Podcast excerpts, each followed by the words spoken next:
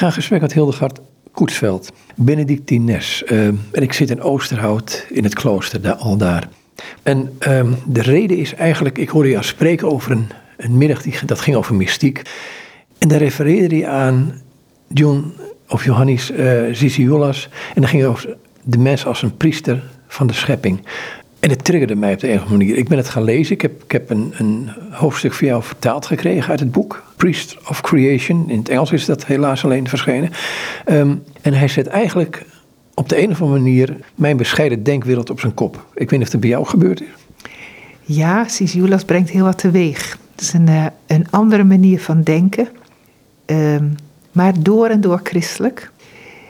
Maar je moet wel, uh, wat zal ik zeggen met heel je hebben en houden willen luisteren. Maar dat is precies, denk ik, wat hij doet. Dat hij werkelijk, ja, je zou kunnen zeggen, op een heel existentiële wijze theologie bedrijft. Dus ik zeg altijd, je hersens moeten wel uh, zo nu en dan wat kraken, maar het raakt je hart ook ten diepste. En um, het boeiende dus van dit boekje, wat hij, ja, in feite zijn het echt een verzameling, is het van allerlei artikelen, maar vooral ook toespraken die, die op allerlei gelegenheden gehouden heeft rond de ecologie. Dus ja, daar wordt hij wat praktischer ook en ook heel actueel. Ja, dus ik vond dat heel verrijkend om zeg maar zo aan de ene kant dat hij diep theologisch naar deze kwestie kijkt en tegelijkertijd dat het je hart raakt, maar ook dus het hele je scheppingsgebeuren en heel de vervuiling en alle problematiek die daarbij hoort. Dan zit je al meteen in de richting van, um, en jij bent katholiek, um, dat met liturgie denken wij vaak wat er in de kerk gebeurt. Bij hem gaat het, is het ruimer. Ja, liturgie is voor hem, um, je zou kunnen zeggen, de basis eigenlijk van onze identiteit als mens. Dus wij kunnen eigenlijk alleen maar mens zijn, onze identiteit als mens vinden, als we, hij noemt dat een homo eucharisticos of een homo liturgicos, of je het kunnen noemen, dus een liturgische mens worden. Dat wil zeggen dat wij een mens kunnen worden als wij onszelf begrijpen, maar ook als we het uitdrukken dat we in relatie met God zijn. Zonder relatie met onze schepper zijn we in feite ja, een diersoort. Ja. Goed, dat, dat kun je weer beluisteren als um, op het moment dat je in relatie met God bent, ben je hoofdzakelijk een denkend en geestelijk wezen. En het lichaam, ach, dat is het toevallig. Ja, een van zijn, uh, ja, zijn grote punten, waardoor zeg maar, um, er een ecologische crisis kon ontstaan, is dat de mens zichzelf inderdaad louter als een geestelijk, rationeel, denkend wezen ziet en zich dan plaatst als het ware ook tegenover de schepping, tegenover de dieren, als het ware ja, uh, ja los van hen. Hè? En het is juist eigenlijk het feit, het feit dat wij een lichaam hebben, wat ons eraan zou moeten herinneren dat wij helemaal onderdeel zijn van heel de schepping. En dat we juist via ons lichaam, dus de relatie met de schepping gaat via ons lichaam. Dus zonder uh, de adem, de, onze adem en de lucht en de planten enzovoort, het water, kunnen wij geen moment bestaan. Dus een mens is eigenlijk maar wat hij is als hij zowel dat mysterie van natuurlijk kunnen denken zijn geest, de relatie met God, dat duidt op misschien de geestelijke dimensie. Maar de mens als zodanig kan voor geen moment zonder zijn lichaam worden gedacht. Dus juist ook in dit boekje gaat hij dat heel erg sterk uitwerken ook. De mens heeft geen lichaam, maar de mens is een lichaam. Ik ga heel snel nu een, een vergelijk of een, een tekst halen uit Romeinen 8, waarin staat dat de schepping wacht met rijkhals het verlangen op het openbaar worden van de Zoon Gods. Uh, zit daar een kerngedachte bij hem? Ja, deze tekst werkt hij ook, ook in dit boekje, gaat hij expliciet uitwerken. Waarom wacht de schepping nou eigenlijk met groot verlangen op het openbaar worden van de kinderen van God. Uh, nou moet ik wel een heel verhaal even uh, houden, zeg maar, om dat uit te kunnen leggen. Um, de schepping is als zodanig zonder de mens, zeg maar, niet in staat, zeker in gevallen staat, niet meer in staat om in relatie met God te leven. In een relatie, zeg maar, die getekend is door de wijze waarop God relateert met ons en met de schepping. Kijk, God heeft de wereld geschapen, heel zijn schepping, in vrijheid en liefde. Dus zonder dat hij afhankelijk is van natuurwetten. Maar hij heeft binnen die schepping, heeft hij de mens een heel eigen positie gegeven. Dus enerzijds is de mens totaal onderdeel van die schepping. Hij is ook als laatste geschapen, hè, waardoor die, de mens in zekere zin uh, ook uh, niet te denken valt zonder die voorafgaande wezens die uh, God geschapen heeft. Dus enerzijds is die als laatste geschapen, maar als zodanig is die tegelijk ook een soort microcosmos. De mens draagt in zich het plantaardige, het dierlijke, dus inderdaad heel de schepping.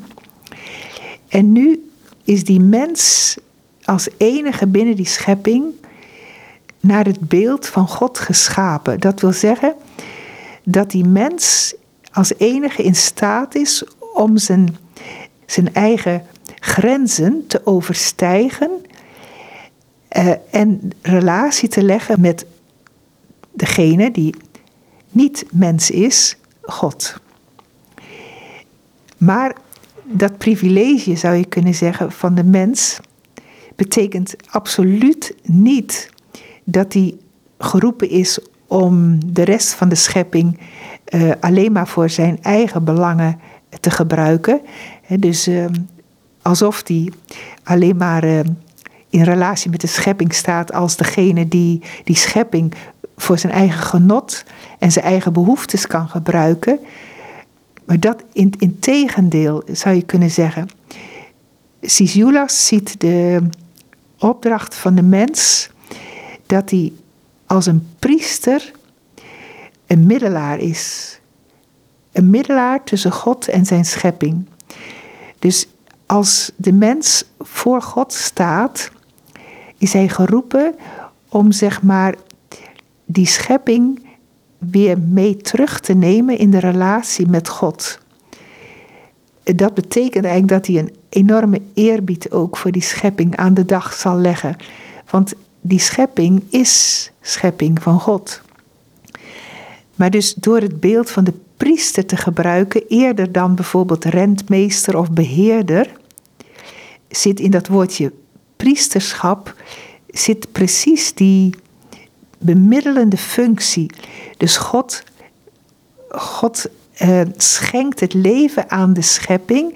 Niet alleen het tijdelijke leven, in tegendeel, dat Gods leven wil geven aan de schepping, betekent dat hij eeuwig leven wil geven aan de schepping. Dus alleen in relatie met God kan de schepping eeuwig leven krijgen. En dat is eigenlijk de beloofde toekomst ervan. Hè? Um, ja, misschien tot zover eventjes. Ik weet niet of het een beetje duidelijk is zo. Nou ja, ik ga dan naar de mens toe. Die dan eigenlijk degene die met open handen voor God staat. En van God ontvangt, maar tegelijkertijd um, de schepping aanbiedt aan God. Een beetje gek gezegd. Ik moet aan Christus denken, die in wie uh, deze wereld en, en alles geschapen is. En Colossenses staat zo'n prachtige hymne waarin staat dat alles, op hemel, alles in hemel en op aarde door hem weer verzoend zal zijn met zichzelf. Moet ik die richting op denken? Jazeker, ja, ja dus dat, dat is het precies. Dus een priester is inderdaad ook degene die aanbiedt, die offert. Hè. Dus inderdaad, het gaat. Kijk, dus de schepping neemt de mens in zijn handen of in haar handen maar niet zomaar. Hij mag ook, die schepping is ook het terrein waar hij of zij werkt. Dus die schepping gaat eerst ook. Dus het is heel duidelijk, in de Eucharistie gebeurt het allemaal. Heel, eh, wordt het allemaal verbeeld. Hè? Wij nemen brood in onze handen. Brood en wijn. Maar niet korenhalmen of uh, druiven.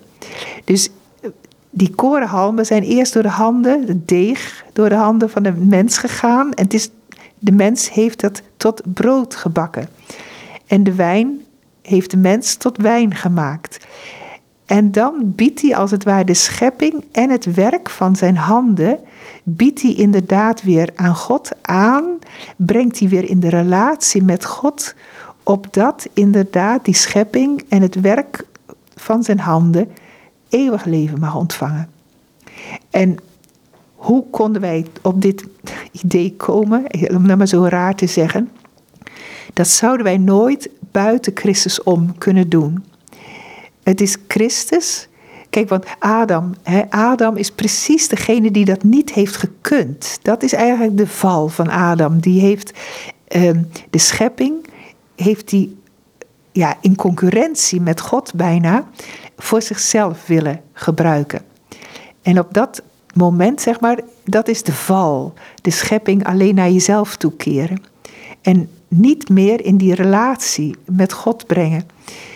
Ehm, wat Adam, waarin Adam gefaald heeft, is Christus gekomen en is geslaagd, zou je kunnen zeggen. Christus heeft die oorspronkelijke roeping heeft hij volbracht. Dus Christus is degene die, terwijl hij zelf zeg maar ook medeschepper is, hij is in heel die schepping betrokken, het is zijn werk. Maar nu neemt hij ook weer als Adam die schepping in zijn handen. Dus dat wil zeggen, hij leeft uh, in totale relatie met die schepping. Maar hij gebruikt dat niet voor zijn eigen belang. Dus zelfs toen de schepping, zijn medemensen, hem wilde doden, blijft hij in relatie en draagt hij die schepping op aan de Vader, die, met wie hij ook voor geen moment loskomt. Dus hij, hij blijft in de relatie met de Vader, hij blijft in de relatie met de schepping en offert het zelfs ten koste van zijn eigen leven op aan de Vader. Waardoor dus, waardoor dus die schepping in relatie komt, verzoend is en tot eeuwig leven zal geroepen zijn. Wat vieren wij dan in het avondmaal? Dit is mijn lichaam, dit is mijn bloed. Ehm, is het alleen het herdenken dan? Nee, nee het is zeker, in, in die zin het is zeker niet alleen het herdenken van een gebeuren in het verleden, van een Christus die wij louter individueel opvatten. Dus als een individu die 2000 jaar geleden gekruisigd is en gestorven is. Um, inderdaad, Sisiulas zal ook benadrukken: het eerste wat Eucharistie is, is dankzeggen. En de oude liturgische uh, gebeden, bij de, dus bij de Eucharistie, die beginnen ook allemaal met de schepping. Wij danken u, God, wie gij zijt als schepper. Wij danken u voor de schepping. Zo'n beetje, hè, dus dat hebben we natuurlijk van de Joden. Gezegend zijt gij die eh, ons de wijn, brood heeft geschonken. En bij, alle dagelijkse uh, handelingen kunnen ook de Joden God zegenen. Dat is eigenlijk ook een vorm van natuurlijk Eucharistie. De christenen hebben daar natuurlijk als, toch als middelpunt en hoogtepunt de gedachtenis van het lijden, het sterven, de verrijzenis van Christus, maar we gedenken ook de wederkomst van Christus in de Eucharistie. Dus de Eucharistie is het meest alomvattende gebeuren. Dat is een vieren van alle fundamentele relaties. Dus, uh, dus de schepping is volop tegenwoordig in de, in de Eucharistie, in de, in de, het teken van brood en wijn, in de elementen van brood en wijn die vertegenwoordigen, zou je kunnen zeggen, ook weer de hele schepping. De relaties, het is alle, alles is relationeel in de, in de Eucharistie. De, de gebeden gaan niet over God, maar zijn tot God. En wij worden weer toegesproken vanuit God naar ons als personen. En de relatie wordt gelegd dus met de Eucharistie. Dus met verleden, heden en toekomst. Het is niet alleen een gedenken. Het is een vieren ook, juist een vieren van de toekomst. Dus eigenlijk vieren we in de Eucharistie meer het Koninkrijk Gods, maar nog sacramenteel. Dus we voelen ook nog, het is er nog niet helemaal en tegelijkertijd, tijdens de Eucharistie is het er. Is de vereniging van God met zijn schepping in Christus een feit, zou je bijna kunnen zeggen. Misschien helemaal. Het, het gebeurt, laten we het zo zeggen. Sisula zou zeggen, het gebeurt. Die vereniging, die verzoening gebeurt in de Eucharistie. Je laat het woordje individualiteit of individu, vallen. Ik dacht dat Sisiulas uh, meer naar de persoon ging. Ja, dus daarom heeft hij ook dus kritiek hè, op een visie op de Eucharistie, alsof het, het gaat over individuen en als, alsof Jezus ook een individu uit het verleden is. Zeg maar dat het louter gaat zeg maar, over als iets tussen Jezus en mij, zou ik maar zo zeggen. Zonder relaties. Hè? Dus uh, alsof Jezus niet degene is die alleen maar is wie die is in relatie met de Vader en de Geest. En in relatie met de schepping. En dus in vereniging is met alle mensen. Dus Christus is persoon, een persoon die je nooit los kan zien van de Vader en de Geest, maar ook niet meer los kan zien van alles met wie hij zich en iedereen met wie hij zich verenigd heeft in zijn lijden, dood en verrijzen. Dat is een van de aspecten die Sisiolus nog naar voren brengt, uh, die hij heel, heel wezenlijk vindt. En je hebt het al even kort genoemd. We zijn geschapen in het beeld en gelijkenis van God. Um, en zijn accent komt erin te liggen op vrijheid onder andere. Ja, uh, vrijheid is echt een kernbegrip. Uh, maar niet alleen Sisiulas. Uh, dat is naar mijn aanvoelen bij de orthodox, in de orthodoxe theologie een veel ja, gewichtiger woord, zou ik nou bijna zeggen.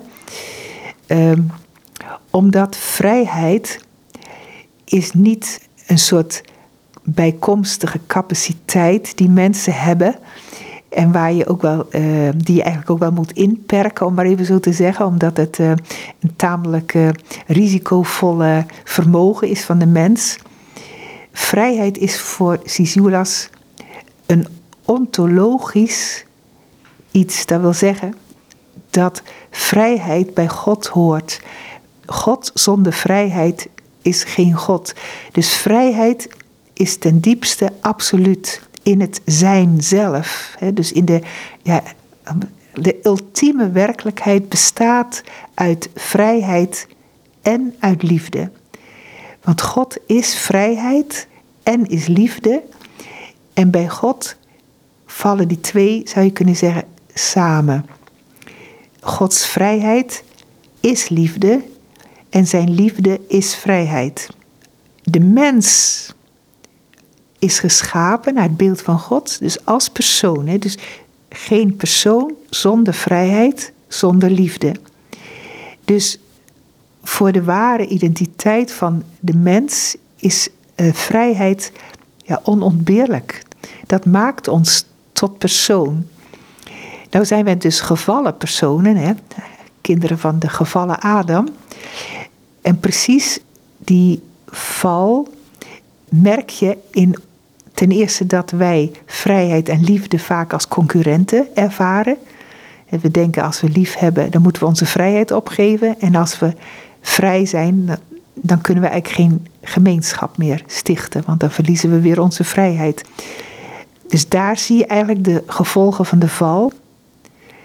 Maar je ziet ook dat vrijheid, inderdaad, dat de mens het nooit kan laten om vrij te willen zijn. Dus die vrijheid is enorm van belang. Maar dat merk je nu juist in de ecologische crisis.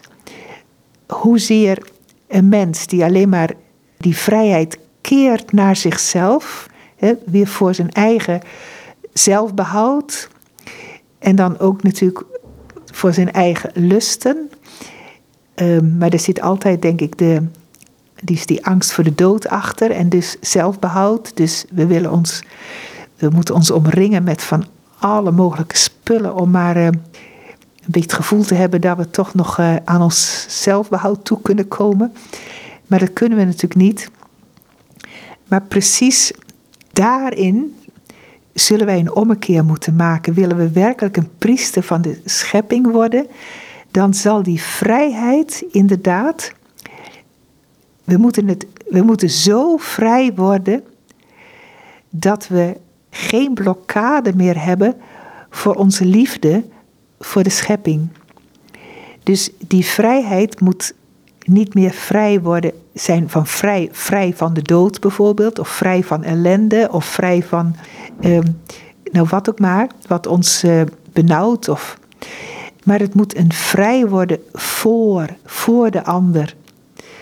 Dus die, die neiging tot zelfbehoud, daar moeten we van bevrijd worden. Dus de priester is eigenlijk degene die zo vrij is dat hij zichzelf ook begrenzingen zal kunnen opleggen. Maar zit hier ook niet die rare tegenstelling in? Um, je zegt het is of het een of het ander, of liefhebben of vrijheid. Maar is juist die overgave in liefde aan God niet de ultieme vrijheid? Datgene wat wij schijnbaar niet kunnen pakken op de een of andere manier. Nou, dat, dat is het precies. Dus ik, uh, dat is als wij leven in Christus, dat wil zeggen ook leven in de kerk, dat is voor Sisiulas hetzelfde. Ehm, als we leven in Christus, in de kerk, dus in gemeenschap met onze broeders en zusters, en als wij dan Eucharistie vieren, keer op keer, dan zullen we gaan groeien in een liefde die vrij is en een vrijheid die liefde is. Maar wij kunnen vanuit onszelf in onze gevallen staat, kunnen wij dat niet moreel voor elkaar krijgen. Of in een ethiek uh, vastleggen en met een uh, programma dat inderdaad bereiken van een liefde die vrij is en een vrijheid die liefde is. Dus dat is het werk van de geest. Dat is de, dat is, dat is de nieuwe mens. Dat is de identiteit die wij, zeg maar, ja, zullen ontvangen als gedoopte en verenigd met, met Christus. Nou is dit een, een vrij ideaal beeld. Um, en je zou beide denken dat de kerk eraan voldoet op dit moment. Ook de kerk, maar ook de leer. Uh, terwijl heel veel geformateerd lijkt te zijn binnen de kerk. Terwijl wat Cicero voorstaat, is uh, veel meer een ethos in plaats van een ethiek, als ik die kant op mag gaan. Omdat um, als hij terug gaat naar Irene, Irenaeus van Lyon bijvoorbeeld, dan komt hij daar vaak bij de essentie uit, die eigenlijk al um, niet zo herkenbaar is in de huidige kerk. En ik denk onder andere over de houding ten opzichte van de schepping, het rentmeesterschap, et cetera, et cetera. Ja, dus ik weet niet of, of hij. Uh, um, kijk, Sisulas heeft geen ideaalbeeld van de kerk. Hij weet heel goed dat de kerk uh, bestaat uit zondaars, om maar even zo te zeggen.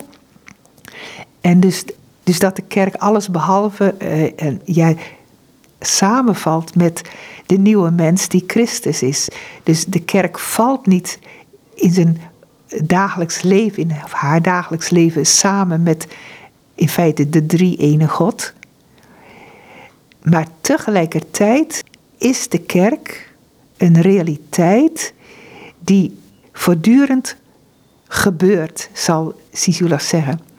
En dat is iets wat de, de, wat de katholieke kerk ook zeker deelt. De Rooms-Katholieke kerk uh, deelt die visie op kerk zijn met de orthodoxe. Ik denk dat de protestanten daar anders tegen aankijken. Maar misschien toch ook weer niet. Ik weet niet. Wij geloven in een heilige kerk, dat zeggen we in het credo. En tegelijkertijd kennen wij allen, erkennen we allen dat het een realiteit is van zondige mensen. Maar precies daarom moeten wij Eucharistie vieren. Eh, keer op keer. Dus um, Sisula zal zeggen, die verlossing van de mens, zeg maar tot persoon, en dus ook de verlossing van de schepping, die gebeurt door inderdaad de Eucharistie te vieren als de, de vereniging van God. Dus het gaat van God uit. Die blijft altijd de initiatiefnemer. En door dat keer op keer sacramenteel te vieren, zal er een ethos groeien in ons. Dat kan niet anders, eigenlijk zou je kunnen zeggen. Zonder dat, dat, uh, dat we hier het Koninkrijk Gods al kunnen verwerkelijken vanuit ons mens zijn. Maar het zal ons aanzetten tot een houding. Hij gebruikt heel vaak het, de houding. Dus wie Eucharistie viert, zal gaan groeien in een vruchtbaarder houding. In een meer, ja, hoe zeg je dat? Dus een relatie van eerbied tot de schepping. Ja, dus geen ethiek, maar eerder een houding die groeit vanuit een, een praktijk, een sacramentele praktijk van kerk zijn. Maar goed, hij gaat dan, uh, hij zegt een van de redenen van deze ecologische crisis is eigenlijk, uh, ik zeg het even heel kort in de bocht, 2000 jaar christendom. Ja, hij zegt het een beetje anders, denk ik toch? Hij zegt, het christelijk geloof is er zeker ook, die draagt hier ook verantwoordelijkheid voor. Maar de kerk is dus een kerk ook onderweg. Dus uh, tegelijkertijd zegt hij, Kijk, e- een van de dingen is bijvoorbeeld dat toch in het christelijk geloof ook uh, er ontsporingen zijn geweest, bijvoorbeeld in het uh, beeld van God toch weer zien in het, in de, in het rationele, dus in, in de ratio van de mens. Waar die zich dus boven dan de rest van de schepping gaat verheffen en ook dus weer los van de schepping. En dus die, ik zit er nu even te denken, want hij zegt dus eh, ook het zondebegrip, zegt hij, daar is echt een hervorming in nodig. En uh, revolutie noemt hij het zelfs. Het zondebegrip van de kerk is vaak te beperkt geweest. Alleen zonde is de schade die je jezelf en je medemensen berokkent. En natuurlijk dus je houding dan, uh, dus die relatie met God ook verbreekt. Um, maar hij zegt, de relatie met de schepping, dus dat je de, vervuiling van de schepping, heeft men nooit in, als, direct als zonde ervaren, waar je boete voor moet doen, wil je weer in de relatie met God komen. Nou zegt hij, dus dat is hoog nodig dat dat er ook bij komt. Maar dus vooral ook die visie, die de christenen bij tijd en wijle ook toch hebben mede bevorderd dat de mens de schepping kan overheersen, louter voor zichzelf. Daar moeten we echt ons van bekeren. En dat is nog niet zo. Dat, ja, je zou zo zeggen, ja, natuurlijk. Maar dit heeft grote consequenties.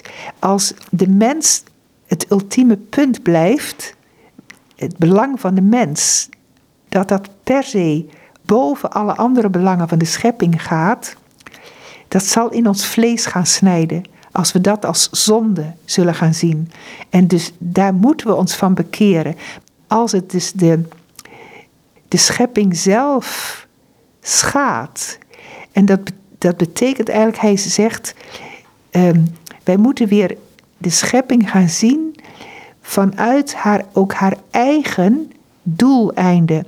Vanuit haar eigen wetten. Wij mogen de schepping niet zo benaderen dat we ze gaan analyseren en in, uh, fragmenteren, nieuwe dingen maken, zeg maar.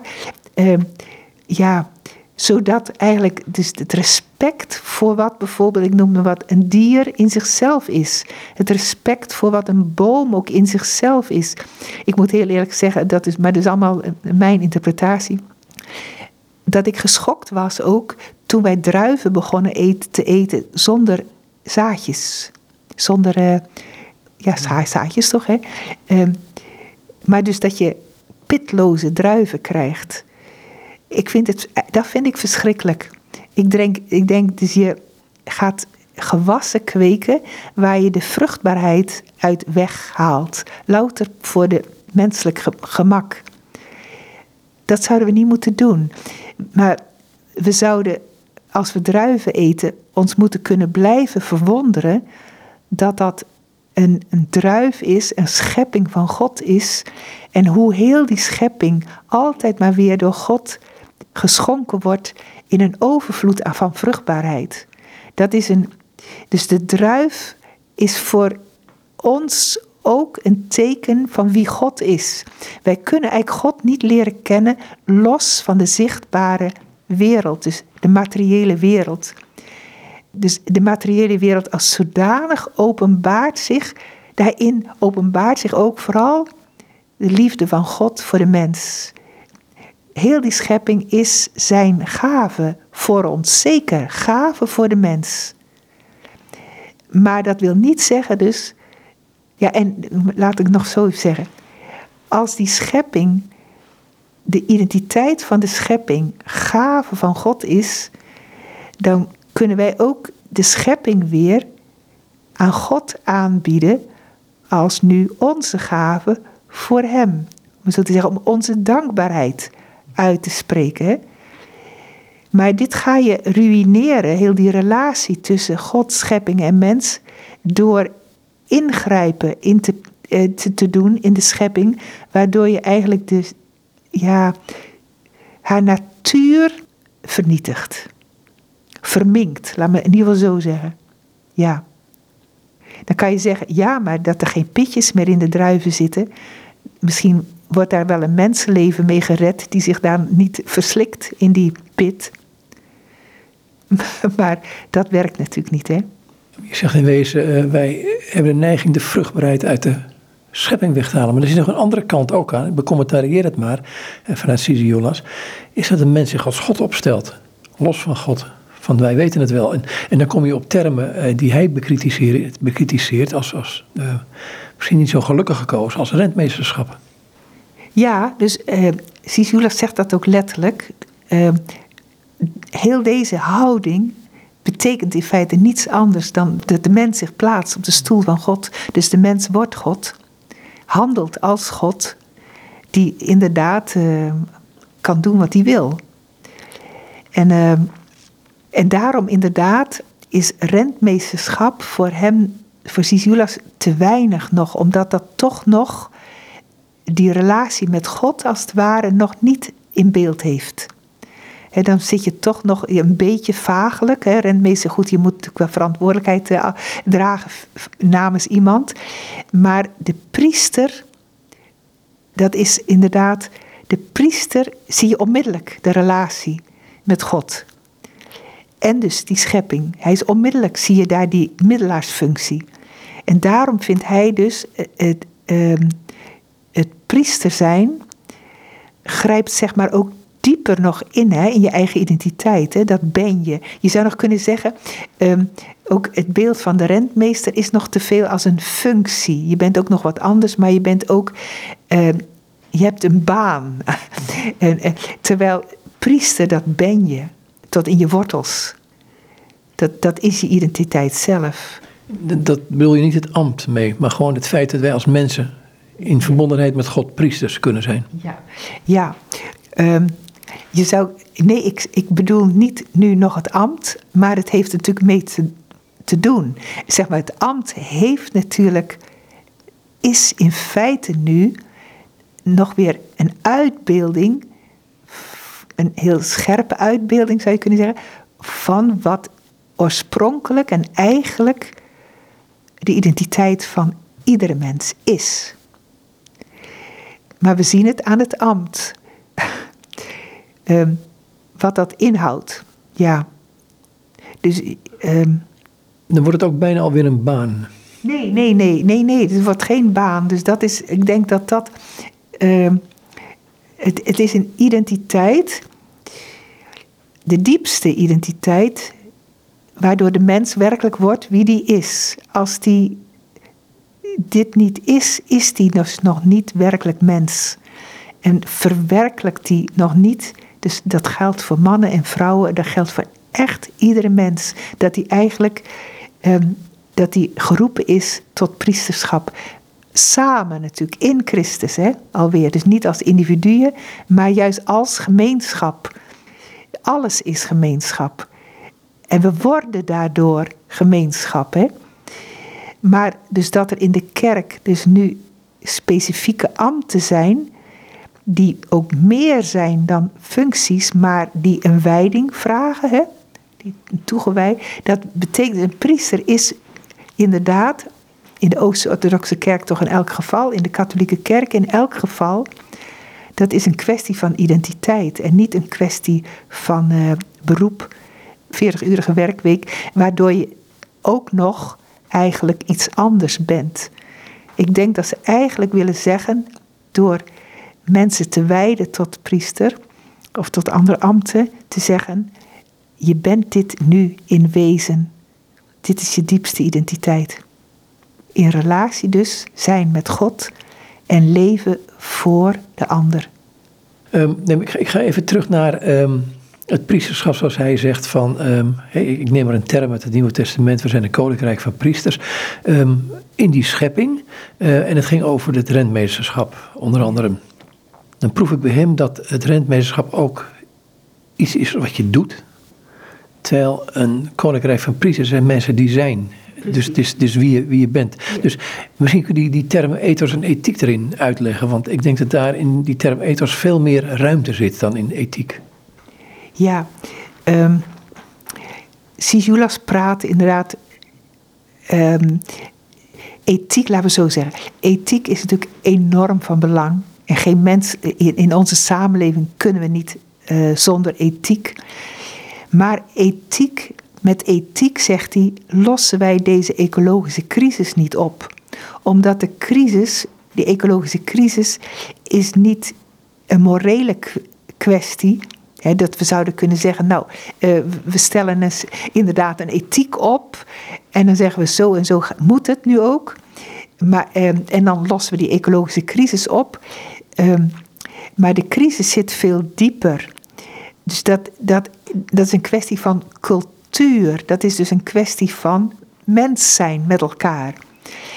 Um, en die crisis is er nu in alle hevigheid, meer dan zeg maar, een, zeg maar 500 jaar geleden, omdat enerzijds door ons rationele denken wij enorme vooruitgang in techniek hebben gemaakt. Dus we kunnen nu ontzettend veel meer dan toen. We kunnen onze wereld vernietigen. Um, dus het is, het is een, morele. Uh, met moraal lossen we dus, dus enerzijds uh, dat niet op. Kijk, als we het nu met moraal zouden willen oplossen, betekent het in feite dat wij anderen zullen moeten dwingen tot gedrag. Ehm, dus een dictatuur. Dat zou natuurlijk, kan zijn dat de geschiedenis die kant op gaat. Uit eigen belang, zeg maar, dan nu onszelf en elkaar dwingen.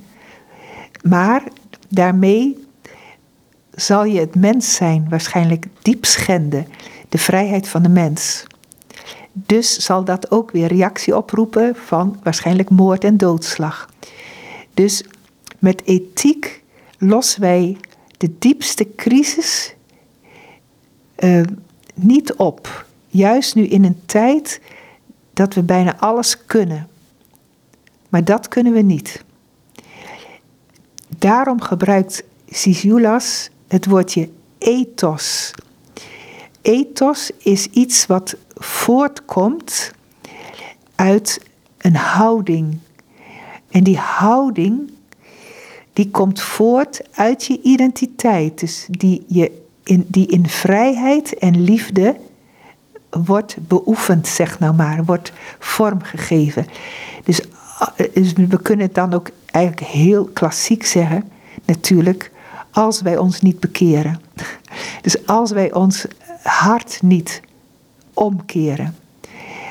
Um, maar die ommekeer inderdaad, dat zal als, het, als, als die wereldwijd eh, wil worden en als die dus ook in de cultuur wil gaan zitten, dus in de generaties wil gaan zitten, uh, dan moet die dus in gemeenschap beoefend worden. Dus dat, je, dat, dat mensen niet meer alleen maar rationeel gaan denken van waarom zou ik nou dit of dat gedrag moeten, moeten eh, vormgeven, maar eerder ook haast intuïtief gaan voelen, zo doen we dat. En dat is goed. En dan komen we toch weer bij de Eucharistie. Dat Sisula zegt vanuit de Eucharistie wordt nou precies die, die gemeenschap gesticht. En ook beleefbaar en ervaarbaar gemaakt. Eigenlijk in iedere Eucharistie wordt de mens weer relationeel gemaakt met God, de schepping, met de medemensen. En daardoor slijt dat ethos als het ware in. En moet de mens tegelijkertijd ook iedere keer weer zeggen: ja, ik ga in vrijheid en liefde. Ik ga naar die Eucharistie. Ik ga naar die gemeenschap. En ik sticht, ik, ik, wat, ja, God sticht deze gemeenschap. Maar in de mate dat ik het kan, werk ik eraan mee en wil ik het ook. Dus ik moet gewoon mijn bed uitkomen of ik moet de deur uitgaan en ik moet naar deze viering gaan. Dus dat is, voor Sisulas blijft dat steeds eigenlijk de bron hè, waar zeg maar die realiteit die nodig is om opnieuw weer mens te worden als priester, daar gebeurt het, daar kunnen we het ervaren. Het kan in een gemeenschap met christenen ook op een andere manier ervaren worden, denk ik nog. Dit. Maar goed, ehm, in die gemeenschap met christenen, als christen. Maar er zit nog een ander ding in. Uh, wat mij verbaast in het hele gebeuren is dit. Ehm, hier in West-Europa, wereldwijd misschien wel, is dat mensen, um, want je schetst nu een beeld van mensen die zich overgeven aan God, in liefde overgeven. Tegelijkertijd zie je dat mensen dus heel sterk op zichzelf gericht zijn. Eh, ik wil het geen egoïsme noemen of hebzucht, maar zijn heel sterk met zichzelf bezig. Eh, waardoor die, door techniek noem je al, wij kunnen zoveel uit de grond halen. Ehm, we kunnen met een hectare tien keer zoveel halen als misschien twintig jaar geleden. Dan denk ik, ja, is dat dan de bedoeling? Ehm, want die notie, dat lijkt me een hele moeilijke om mee om te gaan.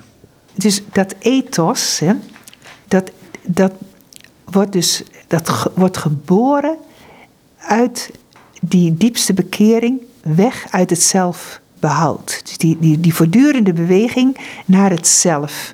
Dus um, zolang wij daarin blijven steken, zal de ecologische crisis alleen maar groter worden.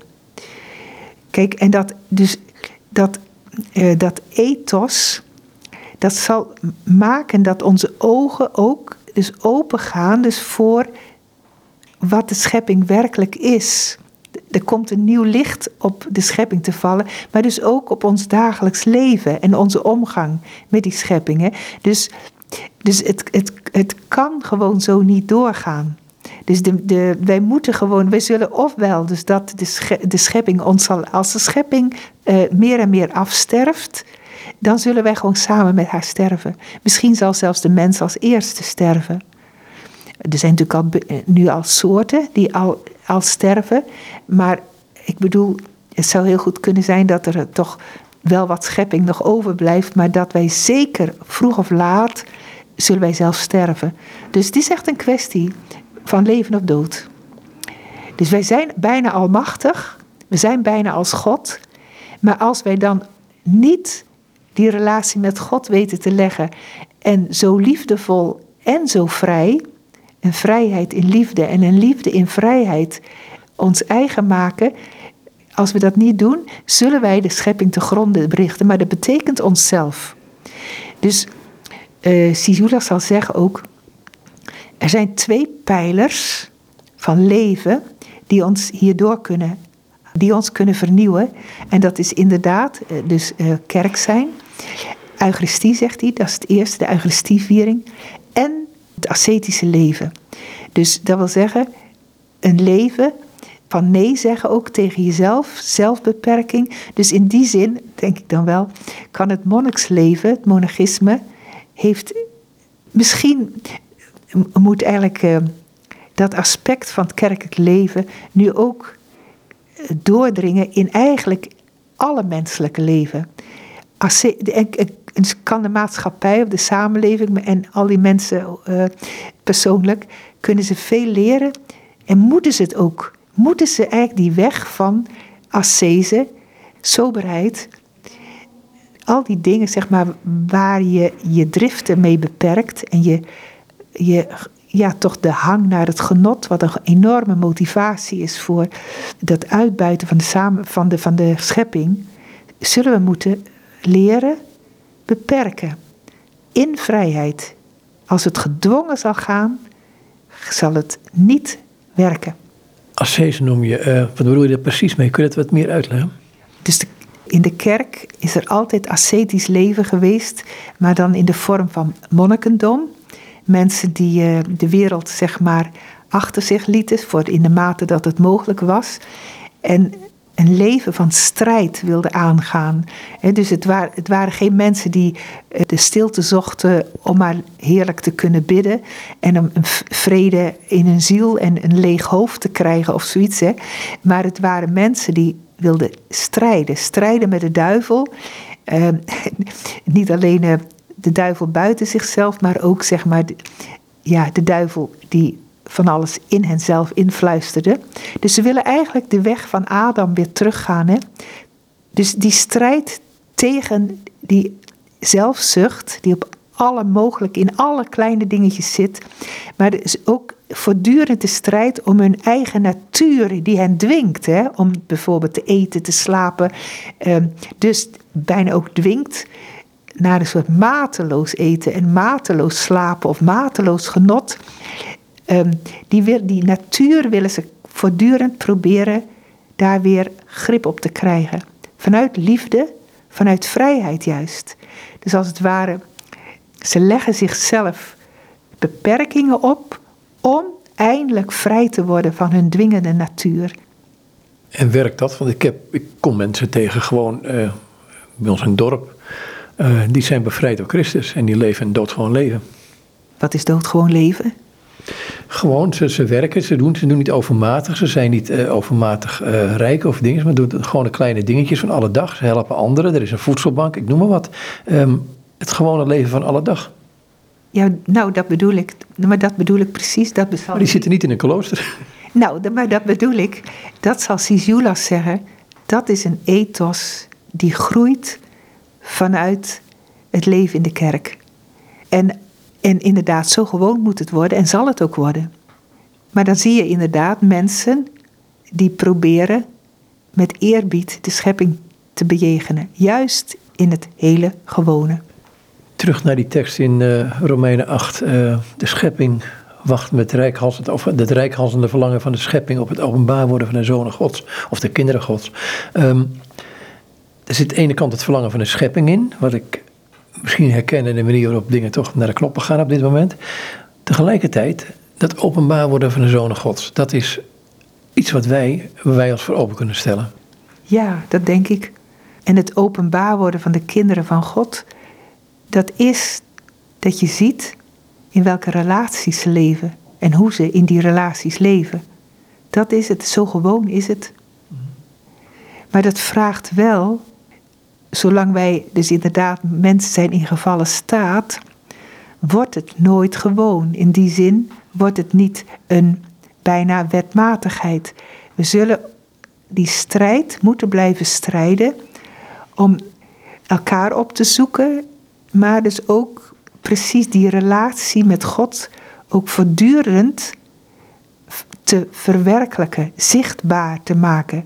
En dat is in de eerste plaats door liturgie te vieren. Samen. Want samen, uh, liturgie vieren is niet anders dan samen weer in de relatie met God treden. Expliciet vormgegeven. Is het dan inderdaad dat je samen je gezicht naar God richt en je gebed tot Hem richt? Ik bedoel niet in de zin van allemaal uh, prachtige gebeden die we uit ons hoofd kennen of uh, spontaan, maar gewoon het feit dat we ons tot God keren en misschien alleen maar zeggen help. Of van hier zijn we, of de dankzegging.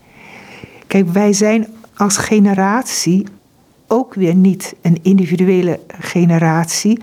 Wij zijn wie wij zijn als generatie in onze verbondenheid met voorafgaande generaties. dus de kerk is niet los te zien van haar begin en van de eigenlijk allen die voor ons voorgegaan zijn. Dus in deze manier om met God te leven. En zij hebben ons uh, vormen gegeven, wegen gegeven waarin God vereerd kan worden. Um, dus dat dat ook weer inderdaad toch liturgische vormen aanneemt, die we niet zomaar overboord willen zetten en zeggen van kom, als wij samen gewoon in een huiskamertje gaan zitten en we doen een gebedje samen, dan is het meer dan genoeg. Uh, dat zal een orthodox en een katholiek, rooms-katholiek, niet kunnen zeggen. Juist omdat wij weer altijd ook in relatie staan met het begin en met allen die ons zijn voorgegaan. Maar goed, er zijn ook buiten de katholieke kerk heel veel mensen ons voorgegaan. die door de katholieke kerk niet zo gezien werden, als ik even ondeugend mag zijn. Ja, maar dus dan, dan hebben we het inderdaad, dan hebben we het weer over de gevallen staat. Dus de katholieke kerk zal inderdaad voortdurend zich moeten berouw hebben over alle keren dat zij niet universeel en alomvattend de hele mensheid heeft omarmd en omvat. En dat ze inderdaad onderling gebroken zijn. Uh, dat is inderdaad een van de ergste zonden van de kerk. Waarvoor wij dus voortdurend boete moeten doen. Kun je buiten de katholieke kerk christen zijn? Buiten de kerk, zal Sisula zeggen, eh, zonder kerk is er geen mogelijkheid tot christen zijn. Goed, hij is Oost-orthodox. Um, er is een Koptische kerk, er is een uh, Russisch-orthodoxe kerk, Oekraïens-orthodoxe kerk, ik noem maar wat hoor. Dus... Maar, hij, maar hij vat natuurlijk het kerk zijn niet op als een denominatie. Hij vat de kerk op in haar wezen. En een van de dingen waar hij veel uh, aandacht aan schenkt en wat voor hem naar de kerk gaat, is, dacht ik, komt ook uit de vroege kerk vandaan. Um, dacht Irene, Ireneus van Lyon, maar dat weet ik niet 100% zeker, is de notie van ehm, we, geven straks terug aan u wat we van u ontvangen hebben. Ja, dus dat is weer ehm, dat is een zin uit uh, de Eucharistieviering zoals ze dat bij de Oost-Orthodoxen vieren. En precies inderdaad, daar zie je weer dus, dat is de Eucharistie, is dat wij datgene wat van God is, als geschenk aan ons geschonken, dat geven wij terug in dankbaarheid. Dat is Eucharistie vieren. Dus zoals je zou kunnen zeggen, dat is ook wat Christus heeft gedaan. Zijn leven, zijn menselijk leven, wat hij van de Vader heeft ontvangen, dat schenkt, schenkt hij volledig belangeloos terug aan de Vader. En in die beweging, dus van de Heilige Geest, zeg maar, dat is kerk zijn. Daarin staan. En dus dat doe je nooit als individu.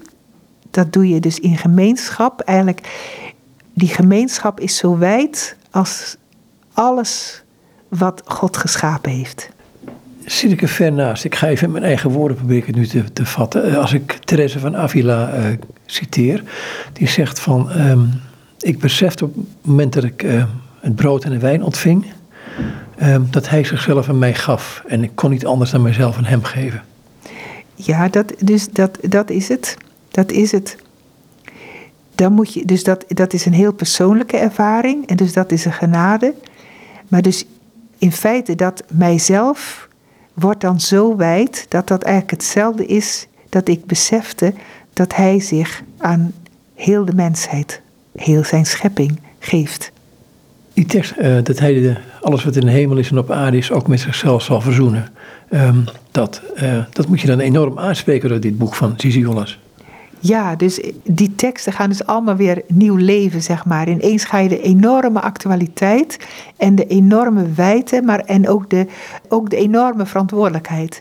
Dus als de, als de mens werkelijk priester is van de schepping, dat betekent dat inderdaad dat hij hier aan mee moet werken. Dus Sisula zal zo ook zeggen: als de mens zijn of haar taak niet meer vervult, dan verhindert hij dat de schepping weer in relatie met God is en dus eeuwig leven zal kunnen ontvangen. Dus als de mens inderdaad niet meewerkt en eh, de eigen verantwoordelijkheid neemt die God ons als mens geeft om de schepping weer in relatie met God te brengen, dan, dan verhinderen wij het overleven. Dus dat is nogal wat. Nou, er staat zo'n hele ehm, lastige tekst in openbaring dat uh, God diegene vernietigt die de schepping vernietigd hebben. Nou ja, dat is dan. Ja, ja, oké, ja. Als dat er staat, dat moeten wij ons aantrekken. Nou, ik vind het nog een confronterende tekst, want het betekent dat we niet ongestraft met de schepping om kunnen gaan. Nou, dat is het hem, precies. Dat is het hem, precies. Ik, ik, vond het, ik vind het een lastige materie als ik nog even, even één vraag mag stellen, maar is het zo lastig? Eigenlijk is het heel eenvoudig. Want als je eenmaal ziet dat enorme belang dat je in relatie bent met God en met de schepping, en als je dat gaat doorleven, is het eigenlijk zo eenvoudig, wat, ook wat hij zegt, maar uh, het vraagt wel een enorme ommekeer. Dan denk ik, ja, maar ik ben tot de baas van mijn eigen leven. Ja, nou ja, dus dat ben je dus niet. En zolang je dat, zolang je dat denkt, ben je niet echt mens. Ik wou het hierbij laten, dankjewel. Dank u wel. En dit is Hildegaard Koetsveld. Met haar was ik in gesprek over um, Priesters van de Schepping. Een boek van in het Engels verschenen, weliswaar van John Ciziolas. We hebben alles niet behandeld. Het is ook vrij onmogelijk. Het is een complexe materie. En er zullen waarschijnlijk een heleboel dingen hebben laten liggen. Maar goed, toch tot zover dit gesprek met Hildegard Koetsveld.